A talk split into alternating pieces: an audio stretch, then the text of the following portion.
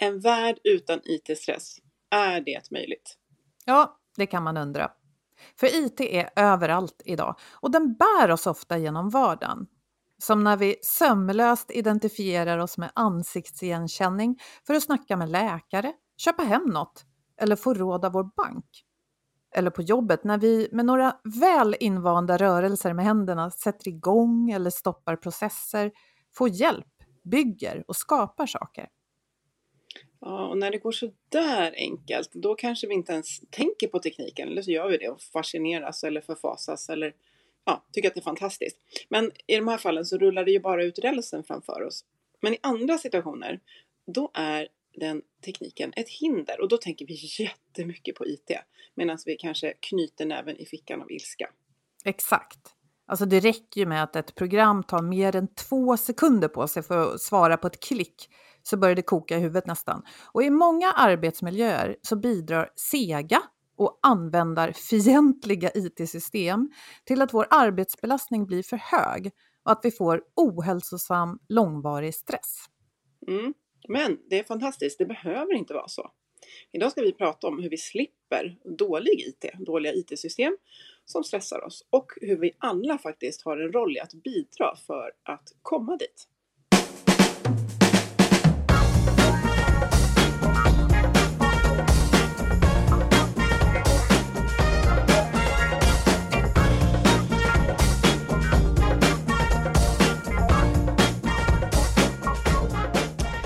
Gör vi i Health for Wealth där vi i över sju år nu har poddat om hälsa på jobbet.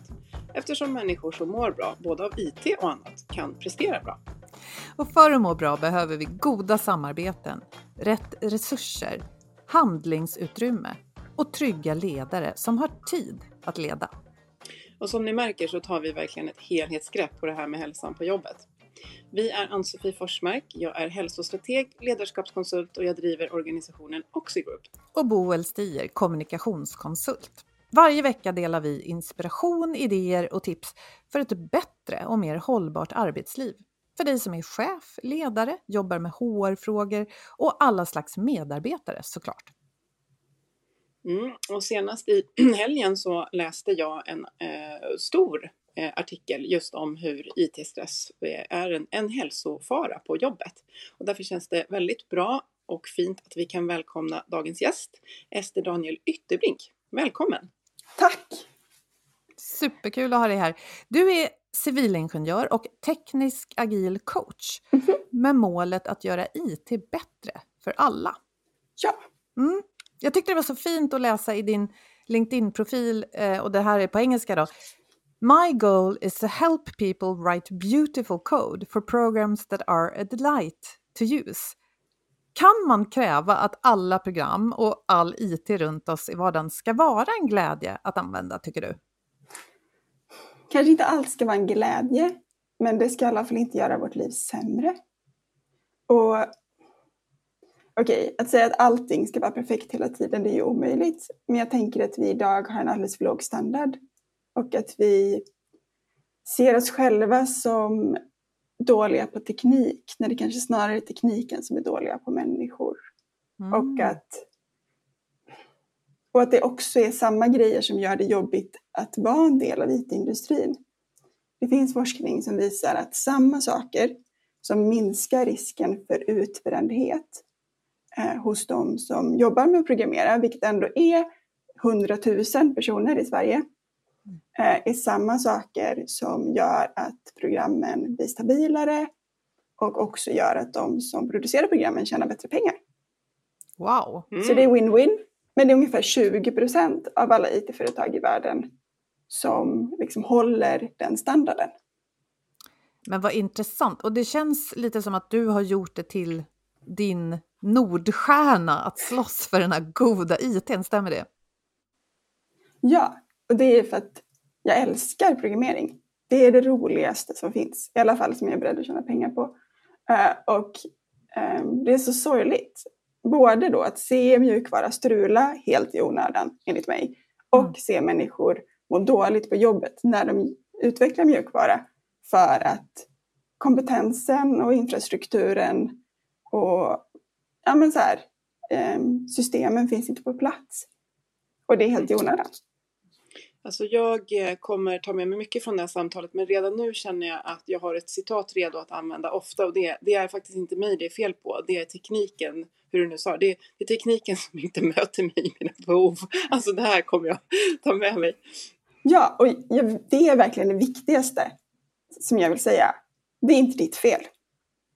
Och jag tänker att det här med stress kan ju både vara stressar IT-systemen oss och det kan man försöka ändra på IT-systemen. Men fram tills dess att vi har kommit så långt så kanske vi får börja med vad ska jag göra när jag möter ett dåligt IT-system? Mm. Då tänker jag det första är skäms inte. Mm. Det är inte ditt fel. Det är någon någonstans som har slarvat på sitt jobb eller som inte har fått rätt resurser av sin chef. Mm. Eller den chefen har inte rätt, alltså någon upphandling som har gått åt skogen.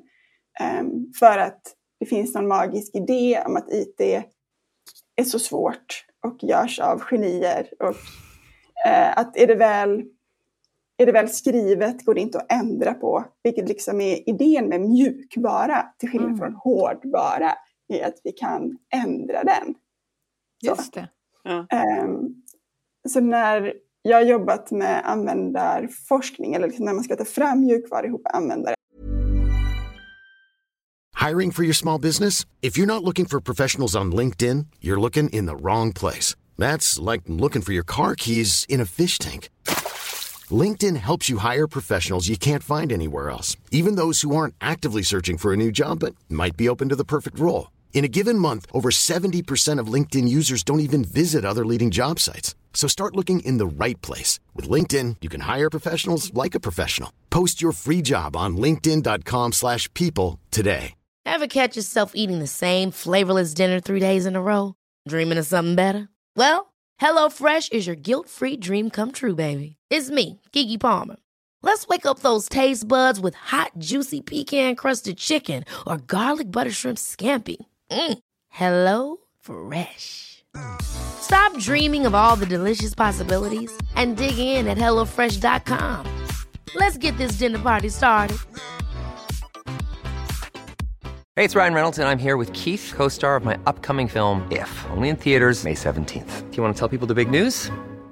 All right, I'll do it. Sign up now and you'll get unlimited for $15 a month in six months of Paramount Plus Essential Plan on us. Mintmobile.com slash switch. Upfront payment of $45 equivalent to $15 per month. Unlimited over 40 gigabytes per month. Face lower speeds. Videos at 480p. Active Mint customers by 531.24 get six months of Paramount Plus Essential Plan. Auto renews after six months. Offer ends May 31st, 2024. Separate Paramount Plus registration required. Terms and conditions apply if rated PG.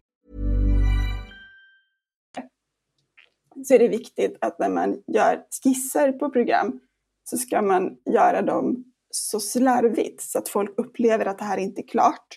För då kan de, inte, då kan de ge feedback. För kommer man, det kan hända att det tar hälften så lång tid att faktiskt koda ihop programmet som man har tänkt.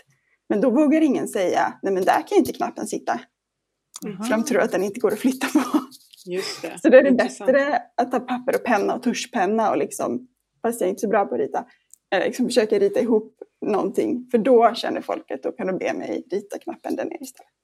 Gud, vad intressant. Vad intressant. Ja, jag verkligen. tänker att eh, för mig som då är verkligen på användarsidan och eh, upplever IT, eh, IT-strulen, kan, kan inte du berätta vad, vad är det för typ av IT problem generellt som vi blir upprörda över så vi vet vad vi ska sen liksom djupa i och tänka på att hantera?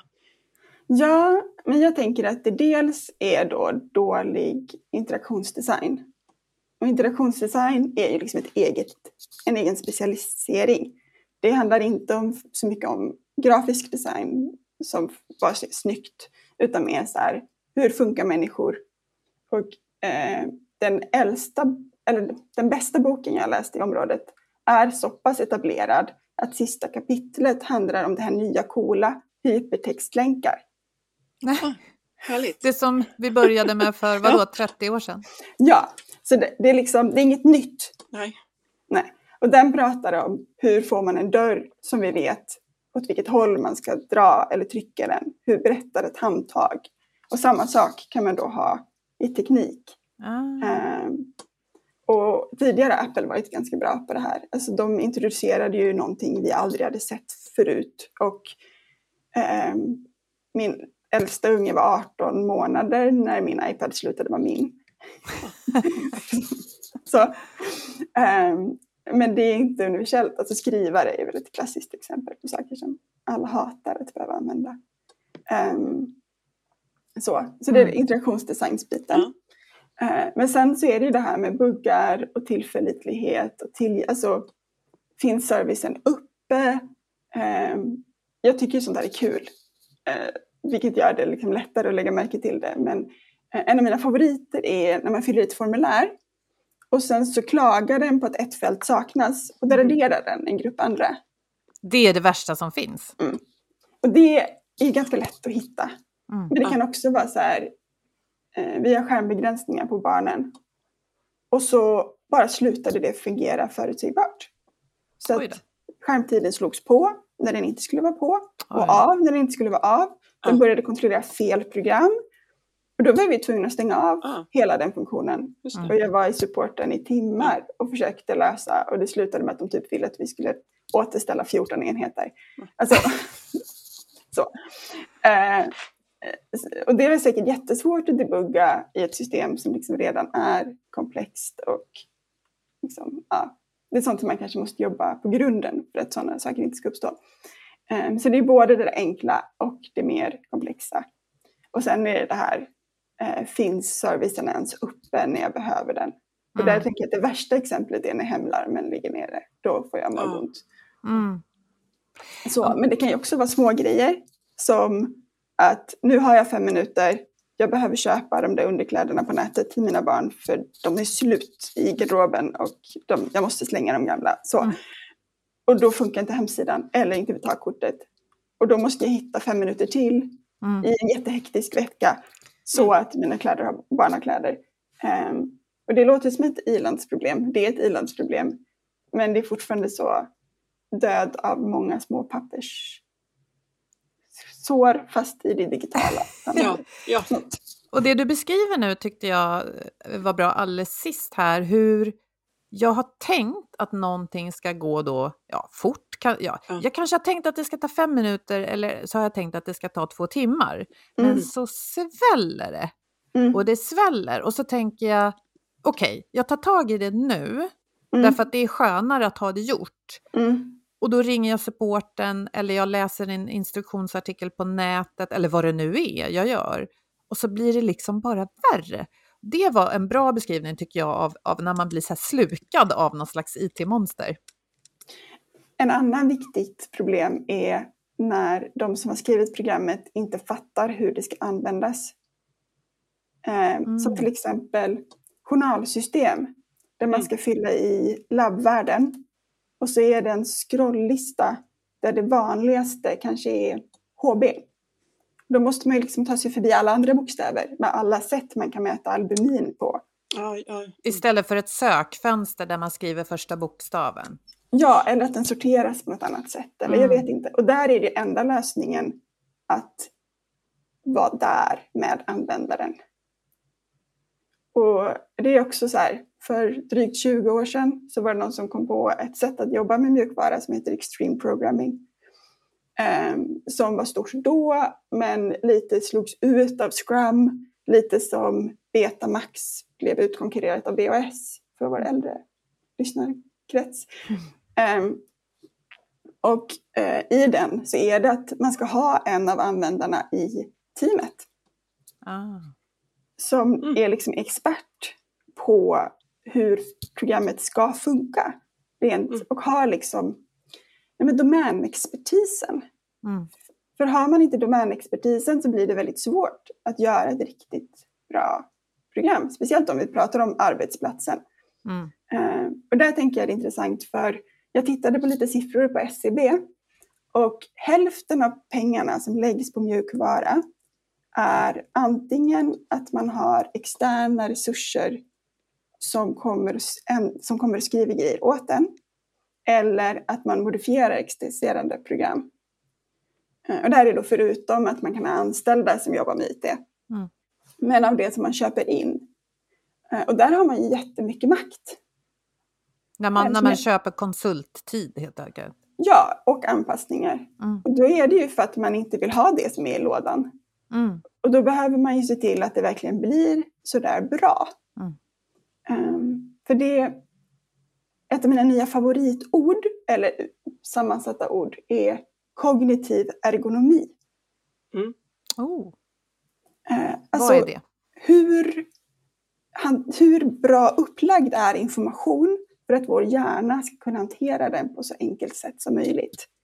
Alltså Mm. vi vet ju vad så här, fysisk ergonomi är. Mm. Om en arbetsbänk är på fel höjd så kommer vi jobba sämre. Mm. Om en chef har installerat en arbetsbänk som är för låg så kan de inte förvänta sig att jag ska jobba lika fort som Nej. om jag har en på rätt höjd. Mm. Kognitiv ergonomi. Om min chef har köpt in ett IT-system som är jättejobbigt att använda kan de inte förvänta sig att jag ska jobba lika snabbt som om de har köpt in ett som funkar bra.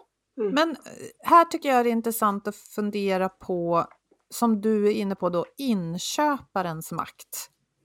För jag kan tänka mig, fast jag vet inte, att många som ska köpa in IT-system, ja antingen kan man någonting själv, men då kan man ju vara biased som man säger på engelska. Man kanske redan har bestämt sig för att något verkar bra. Eh, eller så tar man in andra synpunkter. Det är nog en ganska tuff uppgift och så kanske man vill att det ska gå fort.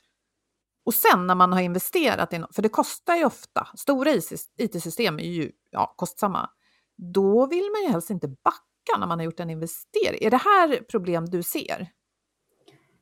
Ja, alltså jag förstår ju att det är ett problem. Ehm, men jag tänker att lösningen är liksom lite att vända upp och ner på det. Ja. Att det liksom blir, vi måste börja med användaren alltid. Då ska man köpa in ett externt system så är det de som ska använda dem som måste få säga sitt. Ofta Mm. kan man ju få en provperiod. Just det. Testa, funkar det här? Funkar det inte? Gå vidare. Eh, och eh, sen också kolla, är de som tillhandahåller det här pro- programmet villiga att lyssna? Har de en bra support? Har de en koppling mellan sin IT-avdelning och sin support? Mm, Kommer det vi klagar på faktiskt landa hos någon som har möjlighet att prioritera det rimligt? mm, Eh, Och om vi får någonting utvecklat så se till att de som ska använda det är med i processen. mm.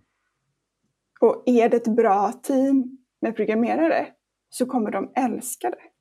Ah, För att, alltså vem vill skriva något som inte kommer användas? nej. Att se folk få sitt liv lättare Mm. för någonting jag har skrivit, det är ju belöningen. Mm. Men det där, det där hoppas man ju. Jag, jag fick en, en minnesblinkning nu tillbaka till för, ja det här är kanske 1999 eller något sånt där, när jag började jobba på ett IT-konsultföretag och då var det nytt med hemsidor liksom. Jag var ganska gammal där, jag tror jag var 28, väldigt många var 22. Och en kille som var programmerare då, han sa, eh, jag påpekade någonting, eh, någonting som jag tyckte var knepigt eller svårt. Och så sa han så här, men Boel, du kanske inte är så surfvan? Och, och jag såg det lite som en, en, en så här, det kanske var tidigt också med ITn, att man, men jag har hört det senare också, att okej, det är inte programmets fel, det är fel på dig. Och Mm. det skulle ju kunna vara så att han hade lite rätt. Nu, nu tyckte jag att jag var lite surfvan, för jag hade surfat några år redan då. Men då är det ju också hans uppgift, tänker jag, att vara pedagog. Eller hur? Och kolla, okej, men hur gör du när du får det här felet? Och, och dit har vi väl ändå förflyttat oss idag? Att man, eller? Alltså jag har ju fortfarande folk säga att eh, det där felet ligger mellan stolen och tangentbordet. Mm. Och jag tycker inte det är okej. Nej. Alltså då, då behöver man terapi. Har ett ego som är så känsligt Ja. att man inte tål feedback på det som ska vara ens profession. Vi måste bete oss som vuxna. Ja. Men eh, det, det ligger ju någonting i det här som är så intressant. Jag tänker när man zoomar ut lite grann så känns det så himla orimligt att det finns något annat sätt att ta fram IT-lösningar eh, än att den som ska använda det, de som ska använda det, beskriver vilken funktionalitet de behöver och sen blir liksom det meningsfulla syftet för en programmerare att lösa det och sen stämma av. är det här begripligt liksom? Är det här funktionellt för dig? Men jag tänker att jag gissar utan att verkligen, alltså att oftast är det, det sker en typ av beställning och sen blir det någon typ av radiotystnad, eh, IT-tystnad och sen kommer lösningen tillbaka och sen så uppstår en frustration för den är inte så användarvänlig som den skulle kunna vara eh, och att det måste finnas ett bättre sätt att göra det här på och det känns ju både, alltså det känns intressant att du liksom bekräftar att det här ja, problemet finns verkligen. Ja, och de eh, IT-organisationer som fungerar bra, de behöver mindre än en timme på sig att ändra IT-system och mm. få ut det till användarna. Mm. Det gäller inte med om Apples App Store är inblandad. Då, då måste man... Längre process. Ja. Det är en längre process, men mm. då finns det ju testsystem som man kan ha beta-användare.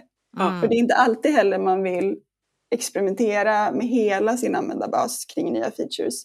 Speciellt om man har en feature som visar sig inte hållbar i längden, men som några älskar. Då kan ja. de bli jättearga om man tar den. Just det. Ja. Så, men har man en liten testgrupp som faktiskt är riktiga användare mm. Och som kan ge feedback, och man har ett system som är väl uppsatt, då kan det gå jättefort. Mm. mm. Så här beskriver du också... Och att man liksom ser det mer som Ja, förlåt. Eh, nej, men jag tänker du beskriver också för då någon som kanske råkade bli inköpare som inte hade tänkt sig det, att eh, köpa litet, närproducerad IT, ja men då borde ju fördelen vara att du kan ha kontakt hela tiden med de som utvecklar och säga kan ni göra det här, kan ni göra det här? Eh, eller så köper man den här stora, ja det kan vara Apple eller det kan vara någon annan digital gigant. Och då kan man antagligen inte påverka särskilt mycket alls, men då borde man istället säga så här, okej, okay, har ni en riktigt bra support som är pedagogisk och tillgänglig jämt? Ja, men sådär eller? Ja, och också tänka, är den här mjukvaran en del av vår kärnverksamhet? Eller är det någonting som inte är en konkurrensfördel? Mm. Man tänker att eh, ett mejlsystem är kanske inte det som gör att jag kommer vinna över konkurrenten. Eh, det klassiska exemplet som brukar använda i böcker är att förr hade fabriker en egen elproduktion. Mm. Eh, och det har man inte längre. Nu är det kanske inte riktigt sant nu, att det har liksom gått runt. Att nu är det en, en eh, konkurrensfördel för fabriker att ha ett egen elproducering. Men, men annars så kan man tänka så, okej, okay, är det här det som kommer göra att vi slår ut konkurrenterna? Mm. Då kanske man till och med ska ha en IT-avdelning som gör det inhouse. Mm. Och som jobbar supertätt med produkt, produktutvecklarna och säljet. Helst liksom i samma team.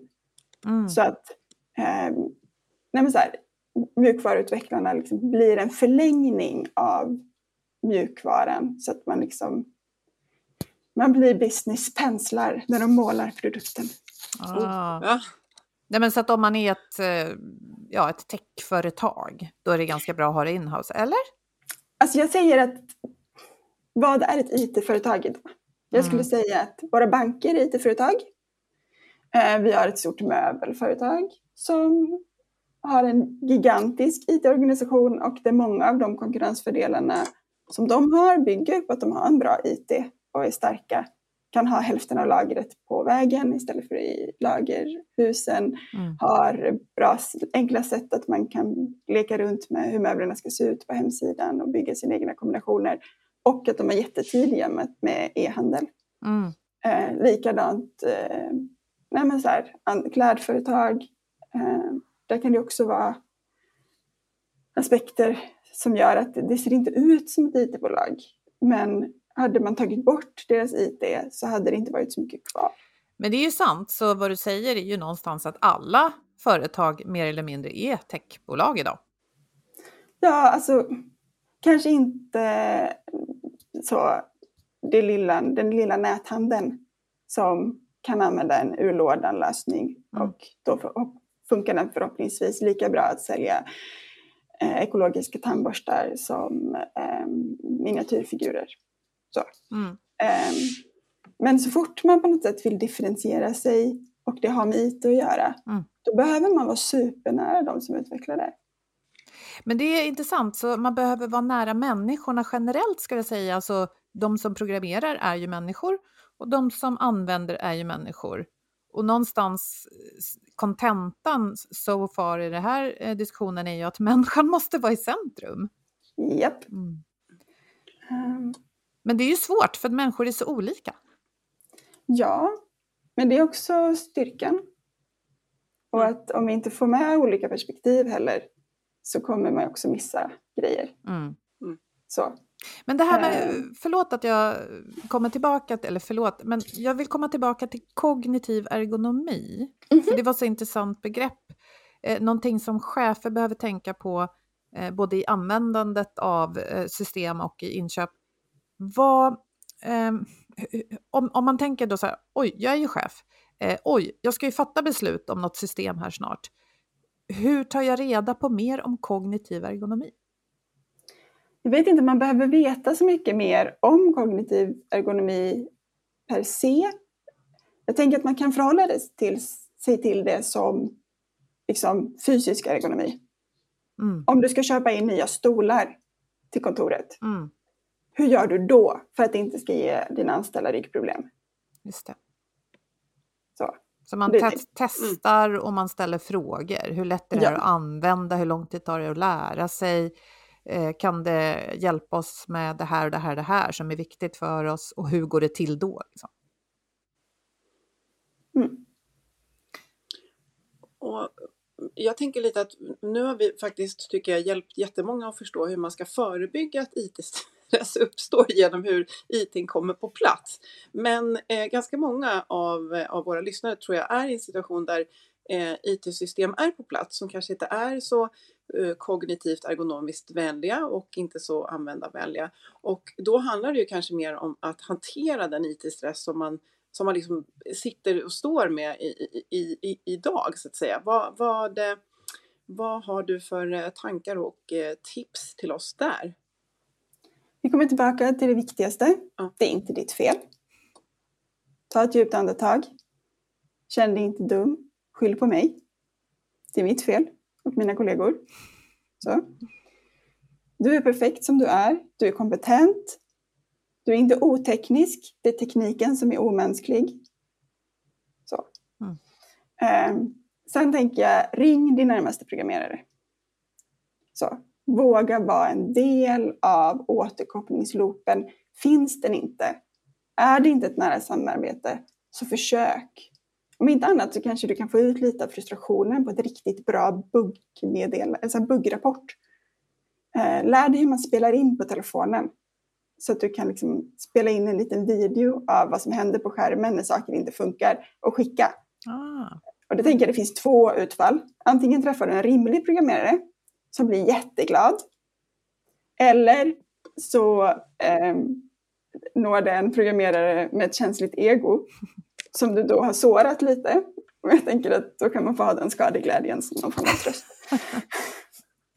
Men förhoppningsvis är det att man, liksom, det landar hos någon som faktiskt kan göra någonting åt det. Och att det då också känns som man faktiskt har möjlighet att påverka, även om det kanske inte löser saker direkt, så har man ändå någon form av utväg för sin Mm. frustration.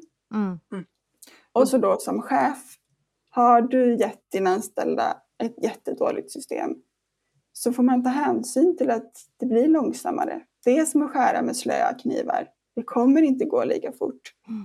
Eh, räkna in det och Mm. ställ högre krav nästa gång. Men jag menar, chefer är också människor. Och eh, standarden i industrin är så fruktansvärt låg. Alltså vi är så vana vid att IT strular och vi accepterar det på ett sätt som vi inte skulle acceptera något annat. mm. Eh, så man är ju en del av, av kulturen. Mm. Men det är bra det du säger att sluta acceptera på alla plan och eh, också det här att även om jag är en användare längst ut och, och kanske inte tillmäts enorm betydelse så kan eh, min feedback faktiskt spela roll. Nummer ett för mig själv, att jag får vädra och dela med mig och det kan också komma till användning. Och jag tyckte om det här så att man kan lära sig hur man spelar in på telefonen och det kan man ju också göra på en dator, alltså en skärminspelning. Det kan man googla på eller be en kollega eh, med hjälp av. För jag känner igen det här, att vår eh, arbetsmiljö blir mer och mer digital och när man har ett problem, jag kanske sitter ensam hemma och jobbar, eh, det är ingen som sitter bredvid mig som ser vad som händer och om jag då ska formulera det här i text så tar det jättelång tid. Men att spela in det, när man då får, alltså om man kan liksom få problemet att uppstå igen på beställning, är ju faktiskt himla smart. Bra tips. Mm. Och då kan det hända att programmeraren ser andra saker än det du ser, som är det som faktiskt ger ledtråden till att lösa det. Mm. Och sen om vi har några lyssnare som jobbar inom IT-industrin så tänker jag att vi är också användare. Det glöms ibland att man tänker att nej, vi ska vara så tekniskt duktiga så att vi ska kunna jobba med vilken skit som helst. Och det är inte sant. Så vi förtjänar också bra gränssnitt, bra infrastruktur, saker som är snälla mot oss om vi gör misstag. Alltså, och då är det både programmen vi använder men också hur hela systemet från dator till slutanvändare är uppsatt. Hur mycket behöver jag hålla i huvudet? Mm. Eh, hur mycket finns ner, liksom automatiserat? Vilket stöd har jag från, från datorn till att göra mitt jobb? Och att det finns en, liksom en risk att man tänker att eh, nej men jag fattar inte det här, då är det jag som inte är en riktig programmerare. Mm. Eh, men alltså, det, alltså det är, man behöver inte vara så smart för att skriva ett program som får dig att känna dig dum. Nej, Så. just det. Så det, det är intressant också, du och- beskriver... Ja, så programmeraren kan sitta i samma sits som vi användare. Ja, och att det då kan minska mångfalden. För har man andra saker som gör att man inte känner att man passar in, då kan det bli ännu jobbigare om, om man inte känner, alltså om en saker inte funkar. Eh, Och att det i sin tur kommer göra att mjukvaran blir ännu sämre, för då får vi färre perspektiv och många perspektiv är bra. Mm. Eh, Men också om du är IT-chef och lyssnar på det här. Alltså du riskerar att förlora dina, dina anställda om du inte har en bra IT-miljö för dem. Alltså det, forskningen är solklar. Utmattningssyndrom är på riktigt och folk går in i väggen och det blir dåligt. Och lösningen är att arbeta på ett sätt som gör att du tjänar mer pengar. Mm. Mm. Och det du säger låter ju som att det lirar väldigt bra med tesen för den här podden. Vi kallar den ju Health for Wealth för att vi menar att eh, det som får oss att må bra på jobbet hjälper oss också att prestera. Ja, och det som är cool med då eh, Doras eh, DevOps-rapporter som kommer årligen och boken Accelerate av bland annat Nicole Forsgren eh, är att man har tittat på tusentals IT-bolag. Alla olika områden, liksom från embedded grejer, så här, larmsystem och mikroprocessorer och sånt till stora jättar på webben eh, antika företag som har varit med från 90-talet, eh, startups som startade förra året, okej 70-talet kanske om det ska vara riktigt, på riktigt. Eh, det, ehm, men ja, eh, och det stämmer för alla. Mm. Så man kan inte säga det där gäller inte mig, för vi är det här lilla snöflingeföretaget som gör saker som är så svårt, svåra att vi inte kan, kan jobba på ett bra sätt. Mm. Det är inte sant. De har kollat på det. Mm. Eh, Det låter väldigt betryggande att höra och just det här med människa och teknik, det blir ju allt mer... Eh, det, det tränger sig på i vår tid när vi då, upplever jag, nyligen på allvar har börjat prata mer om AI. Och jag som inte alls eh, är någon tekniker, men intresserad av hur tekniken påverkar samhället, läste i en bok om AI att eh, varje kodare måste ta ansvar. Och det tyckte jag var ett intressant perspektiv. Men då måste man ju ta ansvar, inte bara för det man skriver, utan också för förutsättningarna man har att skriva. Ja. Och det var intressant att läsa om dig, Ester Daniel, att förutom att du har läst till civilingenjör så har du också läst en del beteendevetenskap. Det är nog inte en dum kombo. Nej, man brukar säga att eh, juniora programmerare har eh, programmeringsböcker i bokhyllan medan seniora utvecklare har böcker om människor i bokhyllan. Mm. Jag Ja. tänker att jag fick, ett, jag läste ett år på universitetet, beteendevetenskap, och fick då liksom en liten skjuts åt det seniora hållet tror jag faktiskt. Just Mm. det. Mm. Vad härligt. Jag, jag tycker att Ja. det här samtalet har gett mig ett större lugn, tror jag, inför nästa gång jag bankar på någon knapp och inget händer. Att just känna att men, skäms inte, det är inte dig det är fel Nej. på. Nej men perspektivskifte och jag tror att eh, nå- någon typ av Alltså det känns som en väldigt, vad ska man säga, så proffsig förankring att det är du, just du och det du representerar, ditt skrå som, som är här i våran podd och in, inte bara här utan på massa andra ställen och, och liksom för fram det här perspektivet för det, eh, det blir så mycket mer liksom, jag ska säga, det är lättare att ta till sig tänker jag för dina kollegor i branschen än att till exempel jag som sitter som bara är användare och, och säger så här, det här funkar inte, det är inte bra, men liksom du kan se det från flera olika perspektiv. Det tycker jag är väldigt, eh, väldigt värdefullt och hoppfullt. Mm. Ja, jag tänker inte att det är mina ord egentligen de ska ta till sig utan att jag är backad av Mm. supergedigen forskning. Ja. Och För om man blir nyfiken på att Mm. läsa mer och ta del av mer av det du tänker och skriver, Ester Daniel, så vill vi tipsa om en blogg som heter Chocolate Driven Development. Mhm. Och utan att berätta allt kan vi säga att det har just med det här att göra. Människa och teknik och hur vi vinner tillsammans. Så där skriver du en massa intressant. Senast såg jag, jag, spanade lite där igår innan vi skulle spela in och då var det något om att eh, varför utvecklare och bläckfiskar har mycket gemensamt. Så det är mycket humor också. Jättekul. Ja, tusen tack för att du tusen ville tack komma för hit. att du kom hit idag. Och Tack för att jag fick komma. Det var jättetrevligt att få prata med er.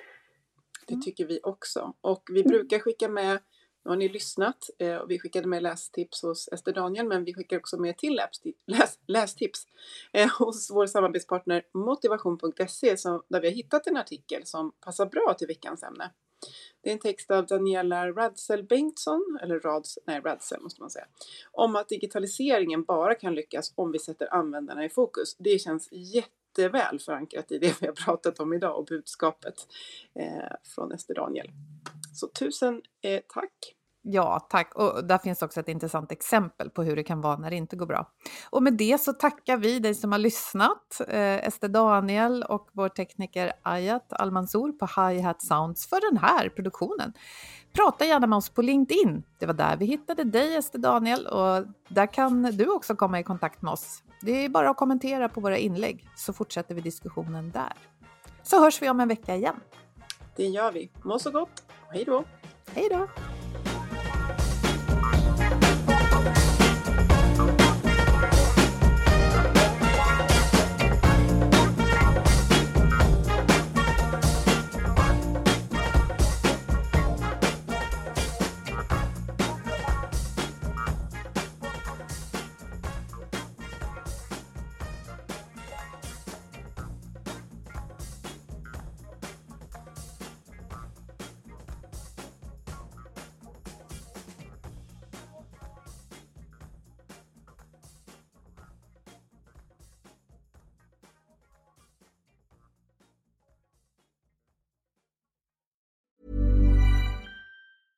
Ever catch yourself eating the same flavorless dinner three days in a row? Dreaming of something better? Well, HelloFresh is your guilt-free dream come true, baby. It's me, Gigi Palmer. Let's wake up those taste buds with hot, juicy pecan-crusted chicken or garlic butter shrimp scampi. Mm. Hello Fresh. Stop dreaming of all the delicious possibilities and dig in at HelloFresh.com. Let's get this dinner party started.